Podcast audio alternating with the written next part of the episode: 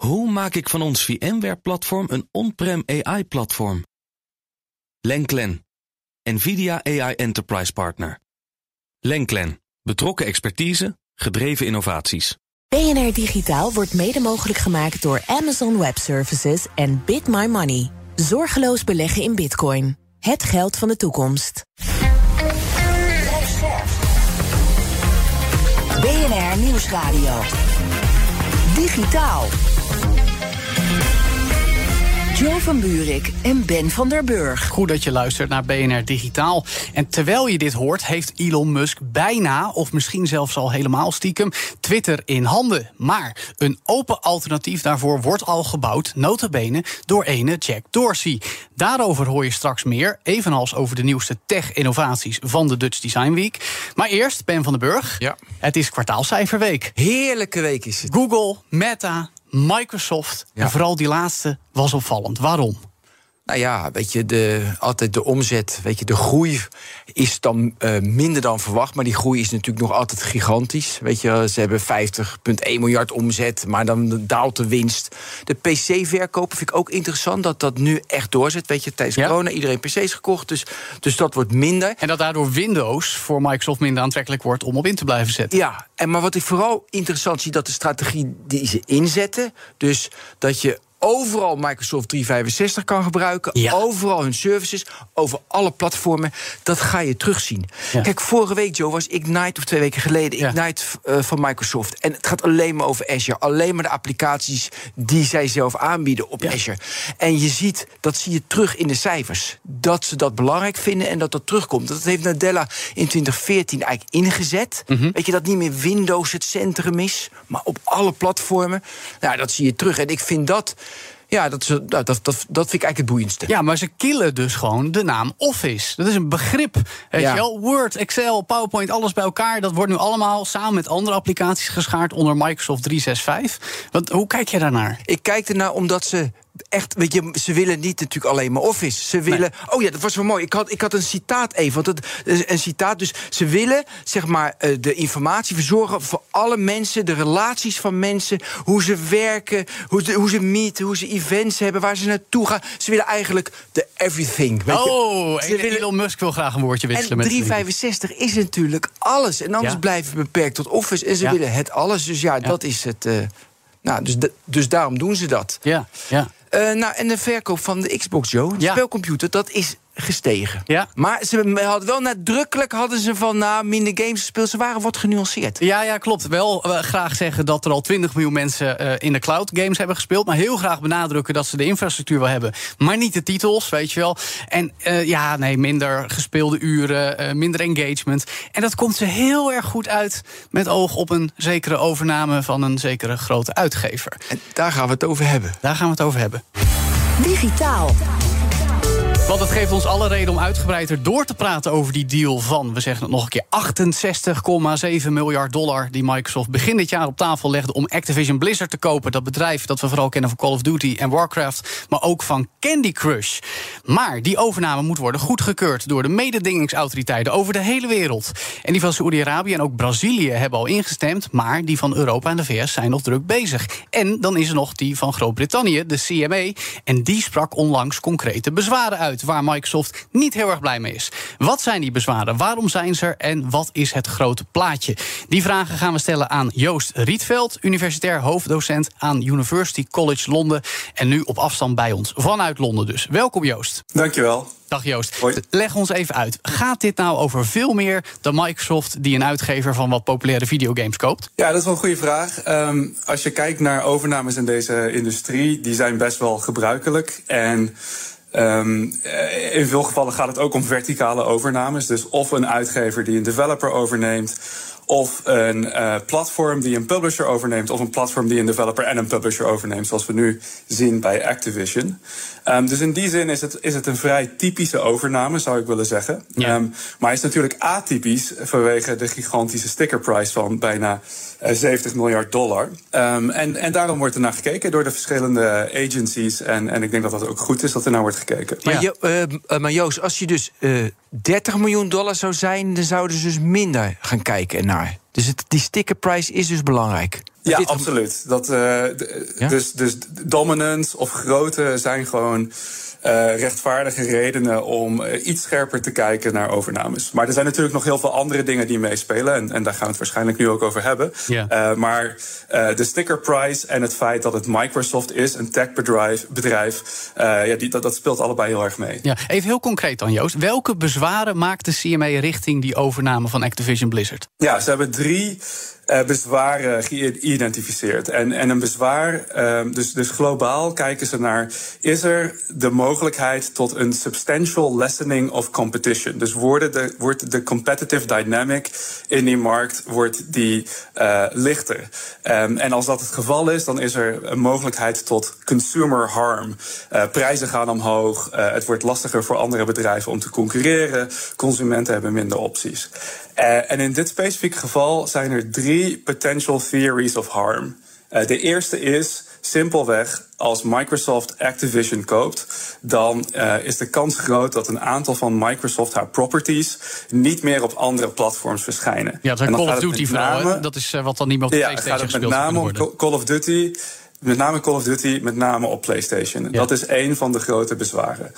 Ehm, de, de, de tweede concern is ehm, eh, dat Microsoft de properties in de portfolio van Activision gaat gebruiken om haar eh, abonnementsdienst Game Pass te verder te versterken. Ja. En de CMA zegt.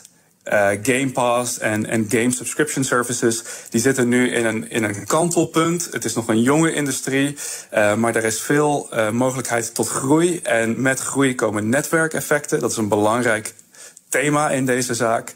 Eh, en als Microsoft nu al een dominante positie daarin kan krijgen, doordat ze zo'n rijke portfolio van properties hebben, eh, dan wordt het lastiger voor andere services om Ja. te concurreren. Ja. Again, waaronder eh, PlayStation Plus. Ja, ja. Nu wordt het hoog Ehm, opgenomen. nog een derde, hè? ja, ja, oh ja, nog een derde. Ja, noem die even nog kort nog. Ja. Ja, de derde, en de derde die is eigenlijk het, het minst concreet, maar dat, dat is een zogenaamde ecosystem theory of harm, waarbij eh, de, de, de, de CMA zegt. ehm, Microsoft heeft al een hele sterke positie in cloud. Ze hebben een hele sterke positie in consoles en eh, distributie. En als ze dan ook nog hun positie versterken in, ehm, in, in, in game development, dan zijn ze op al die schakels in de waarde- waardeketen zo sterk vertegenwoordigd dat ze het heel moeilijk kunnen maken voor eh, andere concurrenten die in een van deze schakels ook actief willen zijn. Ja, Joost, hoe kwantificeren ze dat? We nemen de tweede. Bijvoorbeeld het versterken van de Game Pass. Dat, is, dat zijn mooie woorden, maar hoe kwantificeren ze dat?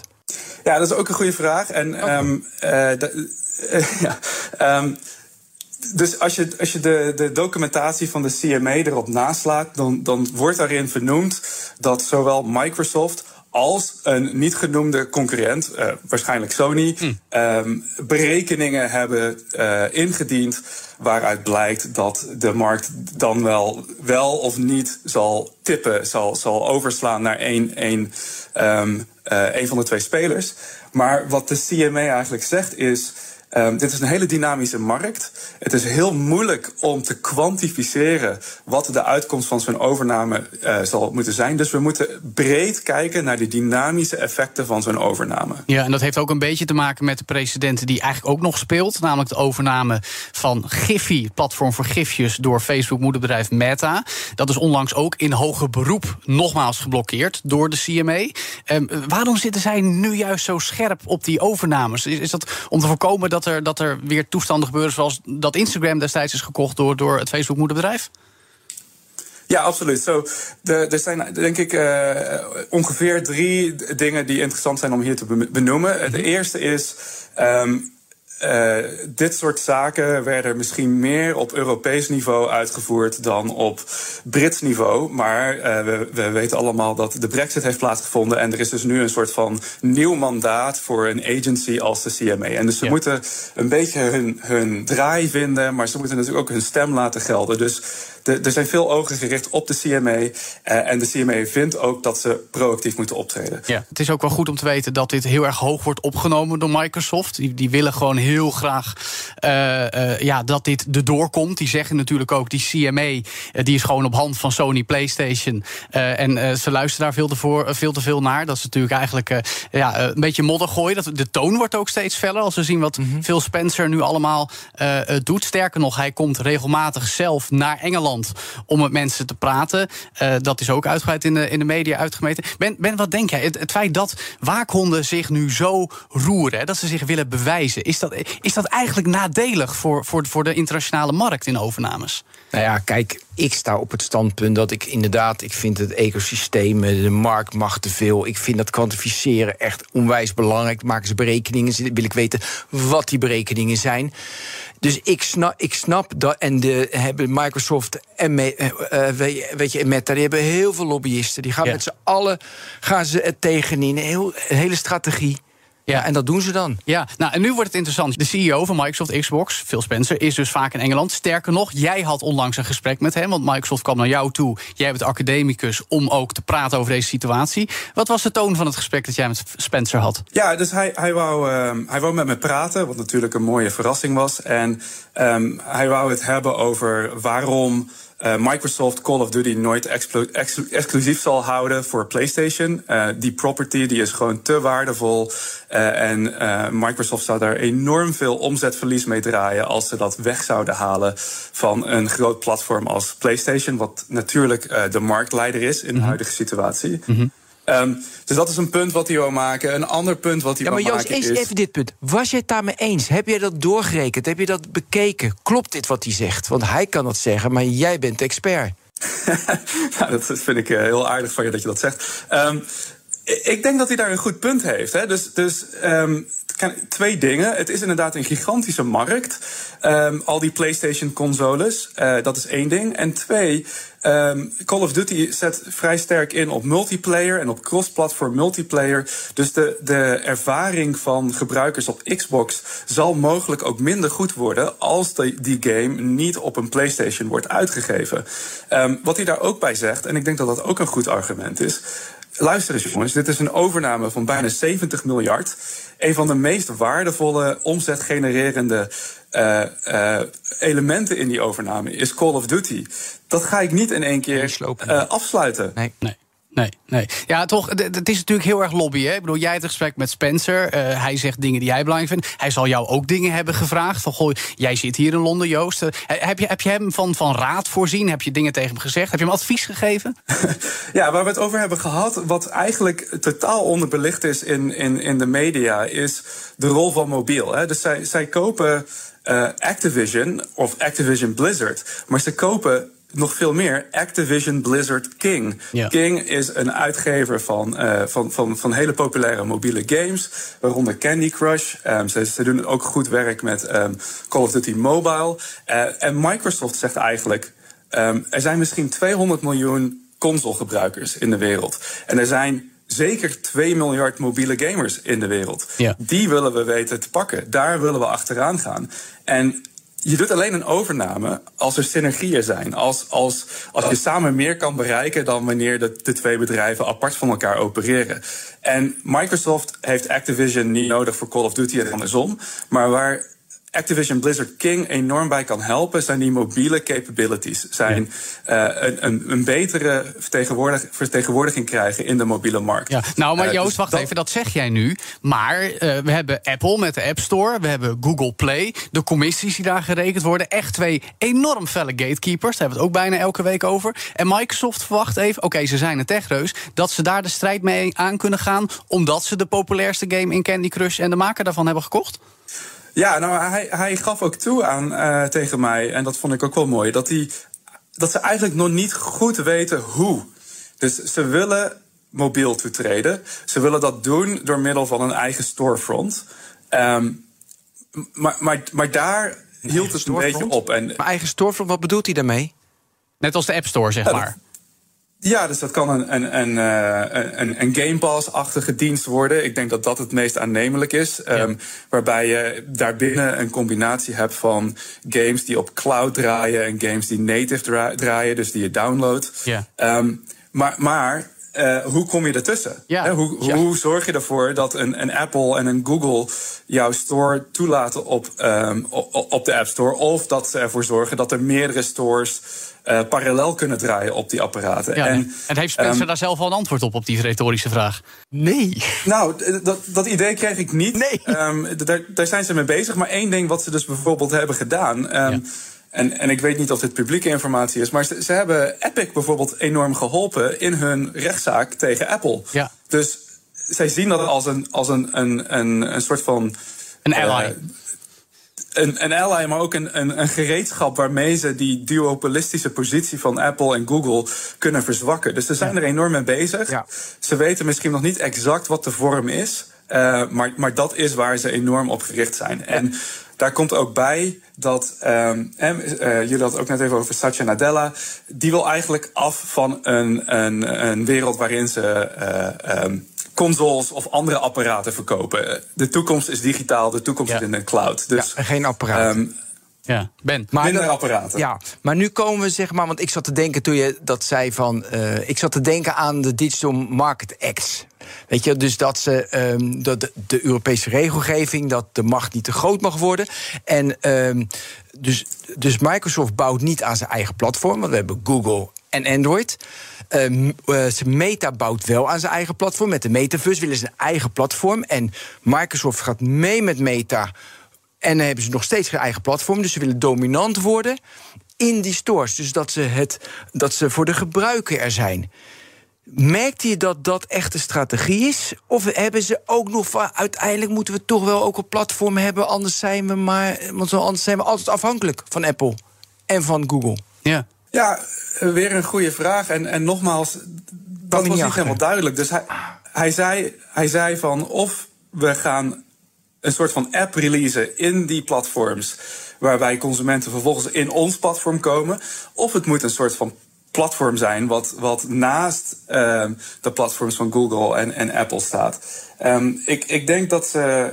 Uh, deze, deze markt is gigantisch dynamisch, zo, zowel op, zeg maar, op bedrijfsniveau, maar ook met wat er nu allemaal gebeurt op, op het uh, regulation um, niveau. Dus misschien dat ze ook niet te ver vooruit kunnen kijken, omdat er zoveel dynamiek is. Um, ja. Maar ze zetten erop in, maar hoe de uitvoering er precies zal uitzien, dat, dat is nog niet helemaal duidelijk. Ja, nou interessant dat ze uiteindelijk toch een platform nodig hebben. Dat blijft ons in het ongewisse. Even terug naar de CMA, want die hebben nu opgeroepen... iedereen mag zijn mening geven over deze overname. Ze hebben letterlijk gewoon een formulier geopend. Wat gaat zo'n concurrentiewaakhond daarmee dan doen? Krijgen we gewoon een rapport van wat elke gamer en zijn hond vindt van deze overname? Ja, dus ik, ik moet vooropstellen dat dit volgens mij redelijk normaal is. Dat op, op dit punt in een onderzoek is er altijd ruimte voor hoor en wederhoor. Um, ik, zou, ik moet ook zeggen dat de CMA natuurlijk al lang met heel veel mensen heeft gesproken. Uh, types als ik, economen, lawyers, mensen met, met meer uh, kennis van de industrie. Dus we zijn enorm bezig met het inwinnen van kennis en het toetsen van hun ideeën. Van is dit daadwerkelijk een reële theory of harm?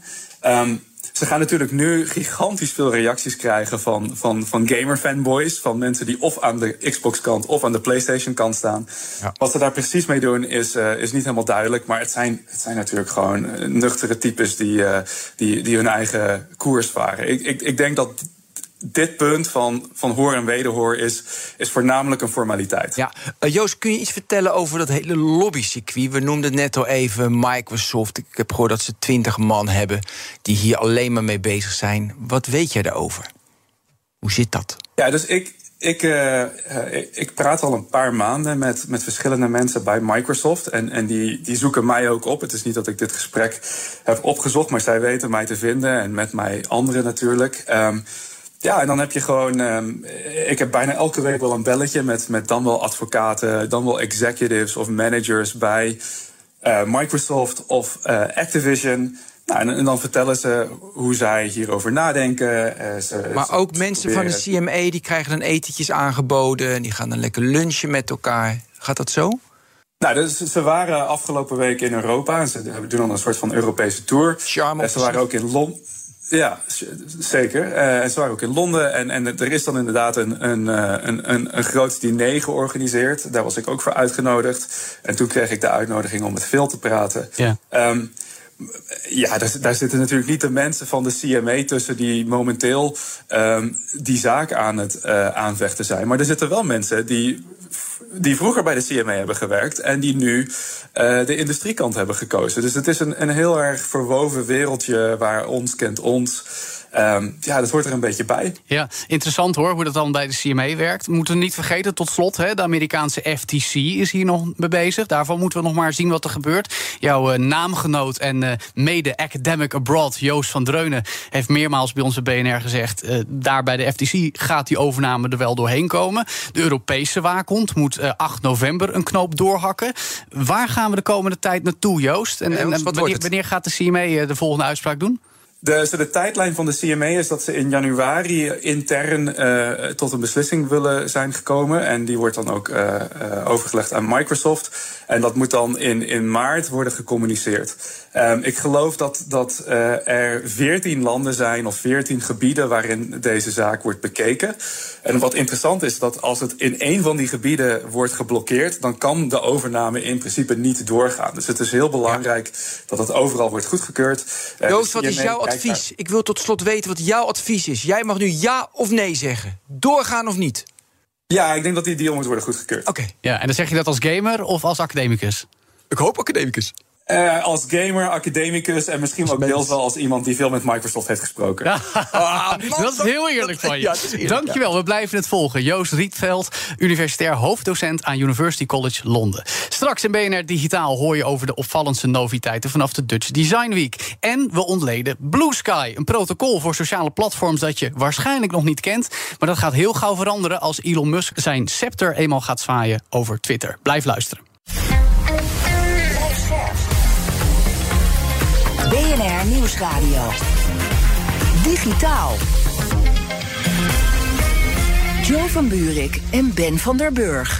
Goed dat je nog steeds luistert naar BNR Digitaal. Ben, heel kort, ga jij je Twitter-account verwijderen als Elon Musk straks aantreedt als de absolute alleenheerser? Zeker niet. En ik wil toch heel even uitleggen, want hij gaat minder hij gaat minder modereren. En ik ben heel benieuwd hoe snel het dan weer escaleert. Ja, de, ik weet niet of ik die realiteit zo graag wil meemaken. Ik wel, het is interessant hoe dat algoritme mensen weer in een fuik brengen. Mooi. Het, het wordt spannend. Het dat wordt is, spannend. Dat is in ieder geval één ding wat zeker is. maar de vraag is of we dat moeten willen. Maar goed, daar gaan we zo meteen over praten. Want eerst.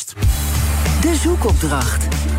En die lieten we deze week uitvoeren door collega Stijn Goossens, redacteur van het BNR-programma Eye Openers. Welkom Stijn. Dankjewel. Jij bent op de Dutch Design Week geweest. Wat was je algemene indruk daar? Zag je een bepaalde trend daar? Nou ja, wat je nu ziet tegenwoordig is dat duurzaamheid natuurlijk een hele belangrijke rol speelt. Dus heel veel dingen die daar te zien waren hadden te maken met duurzaamheid. Plastic die op nieuwe manieren gebruikt kan worden. Uh, circulaire economie die heel erg centraal staat. Maar ik vond het ook opvallend dat er heel veel technologie te zien was. Ja, nou jij bent uh, vooral op die tech-projecten gedoken. Uh, je hebt er drie uitgekozen van de Dutch Design Week, waar jij bent langs geweest. Allereerst een spin-off van Philips, die bezig is met simulated reality onder de naam Dimenco, al sinds 2010. Ja. Maar wat, wat is simulated reality en wat doen ze daarmee? Ja, ik klinkt misschien gek, maar het is eigenlijk een beetje een duurwoord voor 3D zonder brilletje. Oh ja. En uh, wat, wat ze daar uh, te zien was, was uh, waren schermen van Dimenco. Onder andere op gaming laptops van, van Acer. Maar ook op een scherm met een stuur waarmee je kon racen. en die, die schermen die, hebben een 3D-beeld wat ze aan je tonen. Zonder dat je zelf een brilletje hoeft op te zetten. En wat mij opviel, dat 3D-beeld komt niet per se naar buiten. Maar het is eigenlijk een diepte in het beeld. Dus je ziet vooral veel meer diepte. Yeah. En, en wat, wat werd uitgelegd is dat dat vooral veel, ja, veel gebruikt uh, kan worden door designers. Nou, vandaar dat ze waarschijnlijk ook daar staan. Uh, maar ook door in de, uh, in de chemische industrie of in de biologie, waar je vooral heel veel te maken hebt met 3D-structuren. en dat doen ze al sinds 2010. Dus het is al best wel, best wel lang gaande. Mm -hmm. En die, die schermen worden steeds beter, die worden steeds dunner. Die passen nu ook gewoon in laptopschermen. Mm -hmm. ze werken onder andere samen met Acer. En je hoort zo meteen, want ik heb met iemand gesproken daar, mm -hmm. namelijk met Erik Wijnen. Hij is de Business Development director van uh, Europa, onder andere bij Dimenco. Uh, en hij vertelt uh, onder andere hoe deze technologie een beetje werkt. Hij traceert je ogen om voor ieder oog een beeld projecteren. En dat kan hij minstens 60 keer per seconde kan hij dat doen. Dus je kunt ook video, films uh, in 3D kijken. Dus het is niet alleen spelletjes. Het zijn, uh, ja, ik zeg altijd, we hebben een B2B-markt. Dat is voor de mensen die designen, ontwikkelen... die ook vaak met uh, VR-headsets werken, wat heel vermoeiend is. En dit is natuurlijk een hele fijne manier om te werken... en direct het resultaat in 3D te zien. Daarnaast hebben we een markt, een gamingmarkt. En dan moet je gewoon een product hebben wat ja, idiot-proof is, om het zo maar te zeggen. Dus dan moet gewoon, je moet hem aanzetten, spelletje opstarten en het moet werken. En ons businessmodel is om zoveel mogelijk OEM's, dus Acer of andere grote merken... om die als klant te krijgen dat die onze technologie gaan gebruiken. En we verwachten ook dit jaar nog aankondigingen eind dit jaar van een hele grote Amerikaanse partij die uh, onze technologie op de markt gaat brengen. Of ja, op de markt die het in hun product gaat verwerken. En volgend jaar zullen er meerdere volgen. Uiteindelijk, als je mij vraagt met wie praten jullie? Ik mag geen namen noemen, maar ik kan nu beter zeggen... We praten in feite met iedereen. Met wie niet? Mooi, Stijn. Ik heb wel het gevoel dat dit een technology push is. Of zit ik er helemaal naast? Nou, uh, ja, ik vraag het me af. Kijk, er stonden daar wel wat, uh, wat laptops inderdaad van Acer... waar dit, uh, waar dit op te zien was. Maar die laptops stonden echt te blazen nog. Die hadden hier echt moeite mee. Dus ik ben heel erg benieuwd of dit iets is wat... nou ja, zoals je nu hoort... Ja, er zijn dus partijen met wie werken ze niet samen. Oké. Okay. Ik ben benieuwd. En ja. ook Philips, hè, dit is consumer electronics. Ja. Niet consumer, want het, het, het is OEM. Maar ja. toch, weet je, helft hebben we natuurlijk heel veel over gehad... de afgelopen maanden en de afgelopen jaren zelfs. Ja. Qua ja. strategische richting heb ik dan, goh, wat doen ze? Ja, ja, ik ben gewoon een beetje bang dat het eindigt als de 3D-televisie. Ja, dat is ook niet echt een succes. Nee. Niet een blijvertje. Nog niet, Ja, maar daar had je dan, nou, daar had je dan een bril. wel heel lang de tijd. Nou, wat, wat hij wel vertelde, even kort nog. Ja. Uh, weet je, het is eigenlijk nu vooral wat zij maken voor één persoon. Ja. En als je ernaast staat, dan is het blurry. Ja. Dus er zijn alleen wel, als je in je eentje op de bank zit. Ja, er zijn wel technologieën die ook voor twee personen zijn, maar je hebt gewoon hoge resolutie schermen nodig. Ja, ja. We gaan van kijken naar luisteren naar AI Synthesizer. En dat is van een bedrijf met een fantastische naam, Bureau Moeilijke Dingen. Geweldig. Wat maken ze daar? Ja, ze hebben een, uh, het is eigenlijk een van hun eerste producten. Ze hebben een, een synthesizer gemaakt die samen met AI zorgt dat jij als persoon uh, kan jammen met een AI. Mm -hmm. wat, ze de, wat ze eerst hadden gemaakt is samen met een DJ hadden ze uh, zo'nzelfde soort synthesizer gemaakt. Maar de DJ had daar veel te veel controle over. Ze dachten, wat nou als we dat AI dezelfde uh, creativiteit en controle geven als jij? Dan moet je dus echt gaan samenwerken met het AI om mooie muziek te maken. En dat is lang niet zo makkelijk. Yeah. En uh, we gaan uh, nu even, pra even, praten met, even kijken wat zijn naam was, Paul van Beek van Bureau Moeilijke Dingen. Hij legt even uit waar, waar, je allemaal langs loopt bij de Inspiratiemodule, daar wordt het, het genre aangepast. dan hebben we de beat, daar wordt een, een beat gegenereerd die past bij dit... Uh, bij dit genre. Uh, en die kunnen we zelf ook nog een beetje tunen. Uh, en uh, één keer in de zoveel tijd gaat de AI daar zelf ook nog mee aan de slag. En past hij ook nog wat, wat, wat noten aan. Als je denkt van ja, ik wil hier eigenlijk vandaan van waar we nu zijn. Dan zet je die creativiteit heel hoog en dan gaat hij heel veel exploreren. En als je denkt ja, dit is tof. Dan zet je hem, zet je hem weer dicht. en dan blijft hij heel erg bij waar we nu zijn. Dan blijft hij nog wel een beetje spelen. maar dan gaat het niet meer alle kanten op. Het mag voor mij wel wat complexer en wat meer groove op dit moment. ik hoop dat we dat voor elkaar Gaan wat knopjes ingedrukt worden. De snare komt erbij. De kick komt erbij. Sound effects.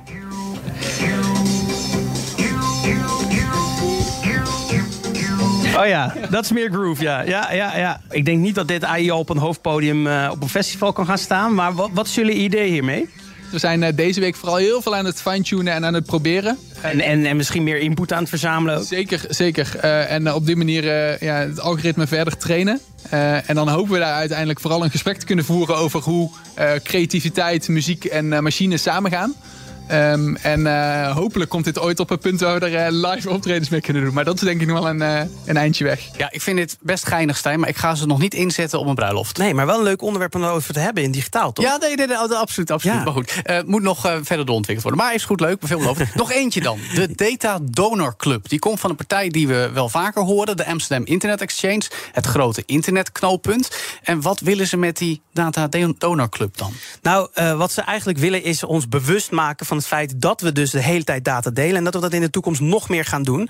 En de Amsterdam Internet Exchange is ook bezig samen met andere partijen om te zorgen dat wij die data ook onafhankelijk kunnen blijven uitwisselen. Of dat zij dat kunnen doen. En dat, dat wij daar de controle over blijven behouden. En die Data Donor Club was puur fictief. Dat hoor je ook van Jan van Boeschoten, innovatiemanager uh, bij uh, de Amsterdam Internet Exchange. Dit is helemaal fictief. We scannen niet echt hun, telefoon. We scannen niet echt hun, hun supermarktkaart. En we scannen ook echt niet hun, hun fysieke gesteldheid. Maar wel om de discussie aan te gaan van... hey, weet je, we hebben nu data van je ontvangen. Wat wil jij dat ermee gebeurt? Aan wie wil jij dat die data gedeeld wordt? Of aan welk onderzoek wil je meedoen? Ja, serieus onderwerp. Uh, en jullie hebben er een soort van uh, fun experience van gemaakt... Uh, met mooie roze en blauwe tinten. het voelt een beetje alsof ik bij een soort show sta. Uh, en ja, ik wil de experience wel even aangaan. Dus uh, misschien dat ik wat data kan doneren. Ja, nou, wat je, wat je hier kan doen, je gaat je mentale uh, gesteldheid ga je delen. Dus dan leg je je telefoon in het vakje wat daarvoor bedoeld is. Oké, okay, ik pak mijn telefoon uit mijn zak. En moet ik unlocken of maakt dat uit? Ja, we kunnen sowieso bij jouw data, dus dat maakt op zich niet zoveel uit. Ik leg hem erin. Oh, er begint ineens van alles te blinken hier zo naast me. En mijn telefoon wordt geanalyseerd. Nou, hier zie je in principe dat, uh, dat je vier van, uh, van de zes lampjes dat die, dat die, uh, oplichten. Dus dat betekent dat je, dat je een, een, een, mentale gesteldheid boven gemiddeld hebt. Dus dat, nou, daar ben ik blij mee. Ja, daar ben ik ook heel blij mee. Dat maakt voor mij de demonstratie iets makkelijker. Ja, ik ken Jan dus dat is wel grappig. Hij, hij werkte bij Vodafone Ziggo en nu hier. Ja. Maar ja, de mentale gesteldheid uit je telefoon. Dan ben ik toch echt benieuwd. Ik ga Jan zo appen. Ja. Van Jan, hoe, hoe, hoe doe je dat? Ja, precies. toch knap. Heel kort, Stijn, hoe gaat dit verder in zijn werk? Nou, wat je daarna te zien krijgt is een scherm. En daarmee moet je dus gaan aangeven aan wie wil je de data delen. En wat voor data wil je dan delen? Hoe wil je dat het gedeeld wordt? En uh, wil je dat het als een onderdeel is van een grote set? Of mag het ook als aparte dataset? Ja. En er vervolgens uh, werd tegen mij gezegd... druk nu maar op de grote knop krijg je een groene knop die gaat knipperen. En als je daarop slaat, dan heb je je data gedoneerd. Zo, was een harde klap. Dan nemen we je mee naar de andere kant van de Data Donor Club... waar we een uitleg hebben van wat je net gedaan hebt. Ja, ja, en toen eh, kreeg je het hele verhaal te horen. Heel mooi. Hey, uh, tot slot, heb je dit weekend de nieuwe ASML gespot uh, daar op de Dutch Design Week? Nou, het is vooral heel veel, heel veel design natuurlijk. Ik heb heel veel mooie kunstwerk gezien met zonnepanelen. Ik denk dat dat ook echt uh, een toekomst wordt. Maar de echte ASML's, die bespreken wij natuurlijk in BNR Eye Openers. Dus als je daar naar wil luisteren, dan kan je daar naar luisteren. Een mooie plug in elk geval. Dankjewel ook voor deze bijdrage in de zoekopdracht. Collega Stijn Goosens. Joe van Buurik en Ben van der Burg. En in de techhoek hebben we het nu al maanden, bijna dagelijks over Twitter. Het platform dat uh, ja, eigenlijk een soort van slachtoffer is geworden van Elon Musk. Want die wil daarvan het dorpsplein van het vrije woord maken. Of was nou X, de ultieme alles-app? Hoe dan ook, niemand minder dan Jack Dorsey, een van de medeoprichters van Twitter, die notabene Musk meesleurde richting die overname, werkt nu aan een nieuw decentraal sociaal mediumplatform. Blue Sky. Maar wat kunnen we van Blue Sky verwachten? Dat bespreken we met Walter van Holst, senior juridisch adviseur bij Hooghiemstra Partners. Welkom Walter bij BNR Digitaal. Dankjewel. Goed dat je er bent. Waarom is volgens jou een decentraal sociaal medium en in het verlengde daarvan een decentraal internet zo belangrijk? Het is vooral interessant omdat je dan in een andere set machtsverhoudingen terechtkomt als je in vergelijking met bijvoorbeeld een heel centraal platform als Facebook, waar uiteindelijk Facebook de spelregels uh, eenzijdig bepaalt. En Facebook heeft bijvoorbeeld besloten dat je uh, omtrekt afbeeldingen eigenlijk een beetje niveau uh, Saudi-Arabië gaat zitten. Want mm -hmm. regelmatig musea gezien die uh, hun renaissance collectie online zetten. Maar dan op Facebook wordt het altijd bloot gevonden. Want die wilden gewoon een, wereldwijd één set aan regels neerleggen. Ja. En met Facebook kan je daar niet echt over onderhandelen. Terwijl in een meer decentrale setting kun je nog steeds de hele wereld bereiken of met de hele wereld uitwisselen of berichtjes, et cetera, delen. Ja. Um, en dan kun je daar misschien wat meer uh, uh, plaatselijk mee experimenteren. Ja, Walter, dat is heel erg belangrijk voor regelgevers, voor beleidsmakers. Voor, daar is het voornamelijk belangrijk voor. Ik snap dat. Maar voor een gebruiker, of het nou, of het nou decentraal is of centraal, 2 miljard gebruikers op Facebook, het, het, het zal wel.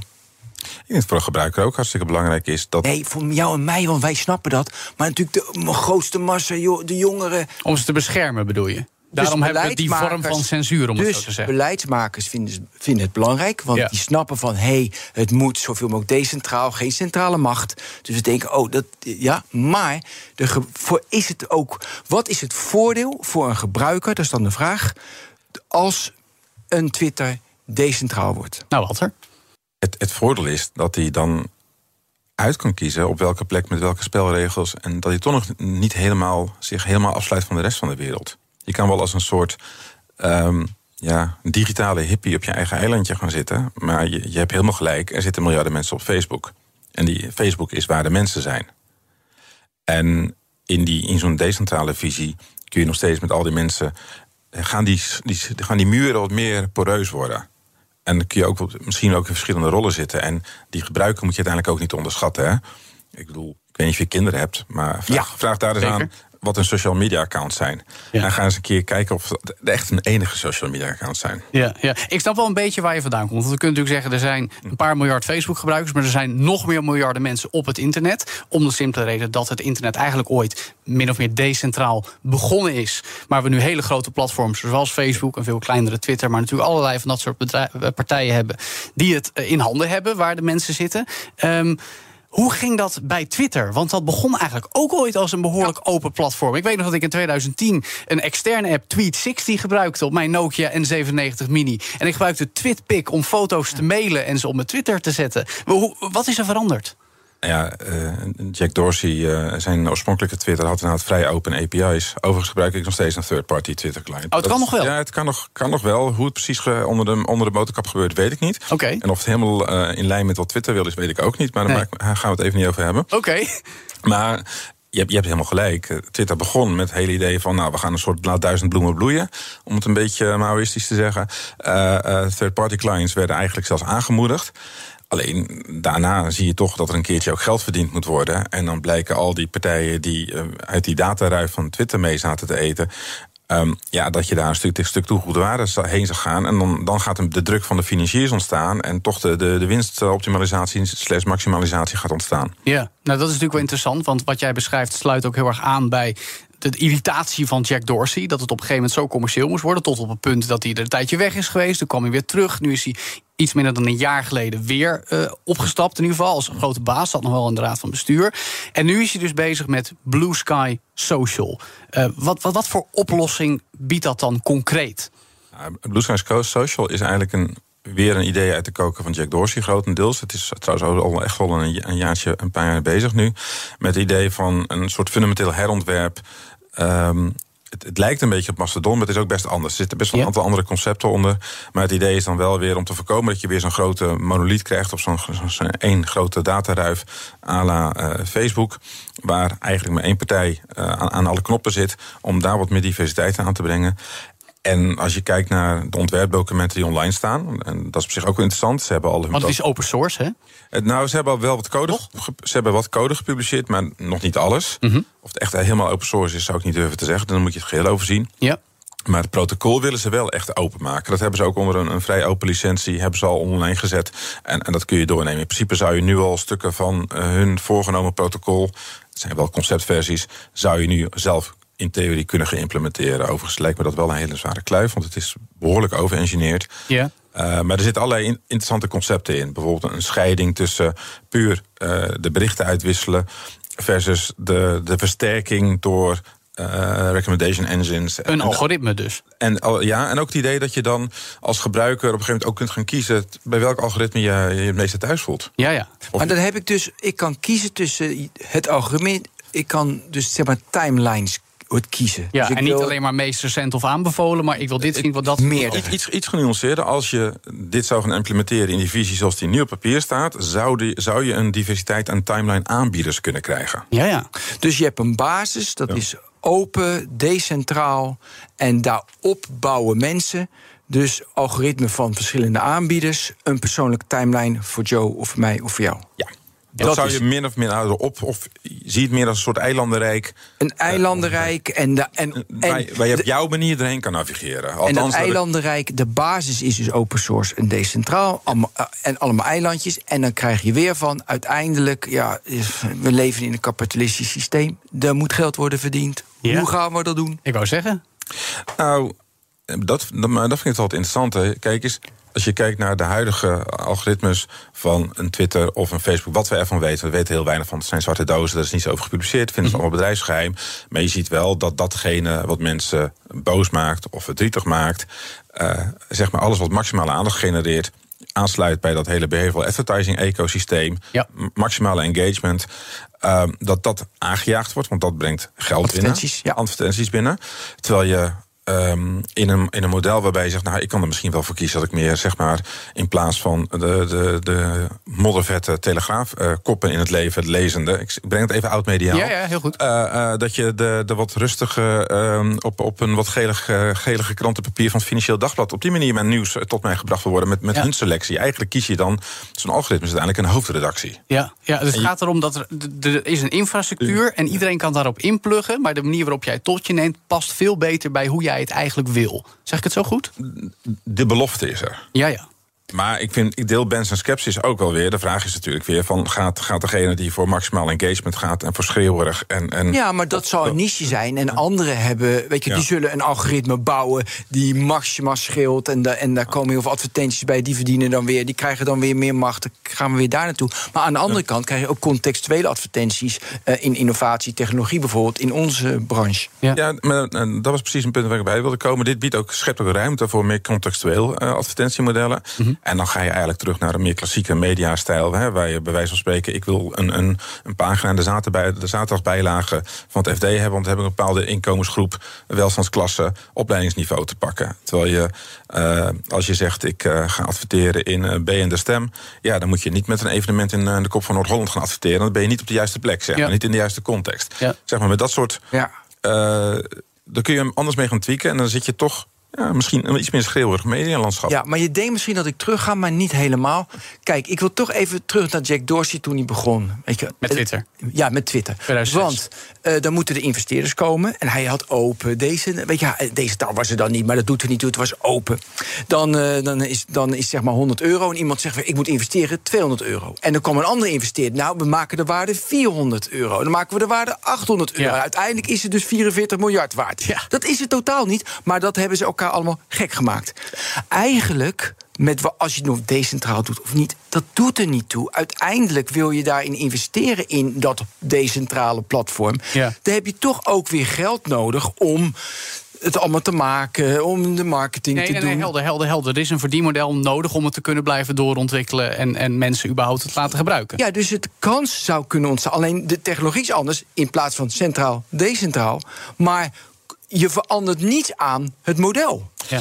Ik vind het wel een fundamenteel verschil als jij in die decentrale setting dwing je ook alle spelers in dat ecosysteem wat je neer gaat zetten. Om het wat eerlijker te gaan doen. Ja. Want mensen kunnen met een voetje, makkelijker met een voetje stemmen. Ja, ja. Maar doen ze dat? Hè, Ken je casussen waarbij dat echt op grote schaal... ik praat over 250 miljoen plus, dat dat gebeurt? Ja, maar als je heel plat geslagen. Je kan aan de ene kant zeggen, social media is ergens inderdaad eh, rond, rond 2000 opgekomen. Je kan ook zeggen, al die oude internetprotocollen van Internet Relay Chat, Use- Usenet waren al soort sociale media. Maar heel decentraal. Usenet is kapot gegaan naar de spam. Eh, Eigenlijk in essentie een moderatieprobleem. Ja. Wel een heel, heel specifiek moderatieprobleem. Maar het is, het is daar kapot aangegaan. Maar er is geen enkele goede reden waarom we. Eh, afgezien daarvan dat we nu met z'n allen op Reddit zitten of op Facebook zitten, terwijl heel veel van die functies ook de Usenet geboden hadden kunnen zijn. Ja, ja, maar het woord neem je al in de mond. Moderatieprobleem. Ja. Eh, waar ligt de moderatie bij Blue Sky dan? Bij die externe partijen die erop inpluggen? Nou ja, maar dat vind ik dus interessant aan zijn, aan zijn eh, concept. In die zin is hij wel verder vooruit gedacht. Of dat zijn ploeg mensen. Hij doet natuurlijk niet eens eentje dan bijvoorbeeld bij Mastodon. Hoewel ik daar ook wel soortgelijke splitsingen verwacht uiteindelijk is. Ja. Het, het idee is een soort, eh, wat zij dan de free speech layer noemen. Die is compleet ongemodereerd. Maar die wordt dan een beetje technisch weggewoffeld, weggehouden. Ja. En dat er dan een, een reach, de rijkwijde, jouw rijkwijde, die al dan niet algoritmisch laten bepalen. En de kwaliteit daarvan. Alleen dat is veronderstelt wel een soort fundamenteel optimisme over het vermogen van algoritmen om dingen goed te modereren. Ja. Daar heb ik wel weer twijfels bij. Ja, ja. Tot slot nog eventjes, Walter. Ehm, Wat is, de, wat is de, de roadmap van, van Blue Sky? Gaat dit op tijd zijn voor de grote overname van Musk... die straks zich aandient bij Twitter? Of, of wanneer gaan we dit gebruiken? Ik heb geen idee, want ik ga ook maar af op pu- publieke bronnen daarin. Er moet Maar- geld in, Je jongens. kan je nu aanmelden voor de beta, volgens mij. Ja, je kan je aanmelden voor de beta, inderdaad. En dat hebben enkele tienduizenden mensen gedaan. Dat is eigenlijk aantallen niet heel verrassend gezien. Want iedereen in Silicon Valley wil natuurlijk de new thing eh, een keer geprobeerd hebben. Dus dat vind ik wel eigenlijk zelfs nog lage aantallen. Ja. Maar ik moet wel zeggen, het komt wel op een interessant moment. Want inderdaad, eh, je, je begon- trapte af met de vraag aan Ben van... joh, blijf jij wel op Twitter als eh, eh, Elon zijn grootheidswaanzin daarop los gaat laten? Ik moet mezelf ook vragen. Ik vind het met Ben eens dat het een heel interessant experiment in ja, een soort Lord of the Flies. Ja. Maar dan Ja. online gaan we dan meemaken waarschijnlijk. Ja. Ehm, iedereen is ook best wel een beetje klaar met Facebook. LinkedIn begint ook een beetje een. eh, ja, Er is af- momentum voor een nieuw platform... of beter gezegd, een nieuw protocol met infrastructuur. Ik zou zeggen, er is wel een window of opportunity aan het ontstaan. Dat is in ieder geval interessant. We hebben het er sowieso in de komende tijd nog wel een keer over, denk ik. Dankjewel, Walter van Holst, senior juridisch adviseur bij Hooghiemstra en Partners. Tot zover BNR Digitaal. Je kunt dit programma altijd beluisteren als podcast op elk platform, evenals via bnr.nl en in onze app. En als je nou nog sneller op de hoogte wil blijven van techontwikkelingen, elke ochtend en elke middag of avond, volg dan ook de Tech Update, want die is als podcast al meer dan een miljoen keer beluisterd dit jaar. En counting dus. Maar ook in BNR Digitaal blijven we hier bij praten. Onder meer ook over de strapatsen van Elon Musk met Twitter. Dus zeg ik namens onze hele tech-redactie voor deze keer weer tot volgende week. Tot ziens. BNR Digitaal wordt mede mogelijk gemaakt door Bit My Money en Amazon Web Services. De betrouwbare cloud voor innovatie en digitale transformatie. Hoe vergroot ik onze compute power zonder extra compute power? Lenklen, Hitachi Virtual Storage Partner. Lenklen, betrokken expertise, gedreven innovaties.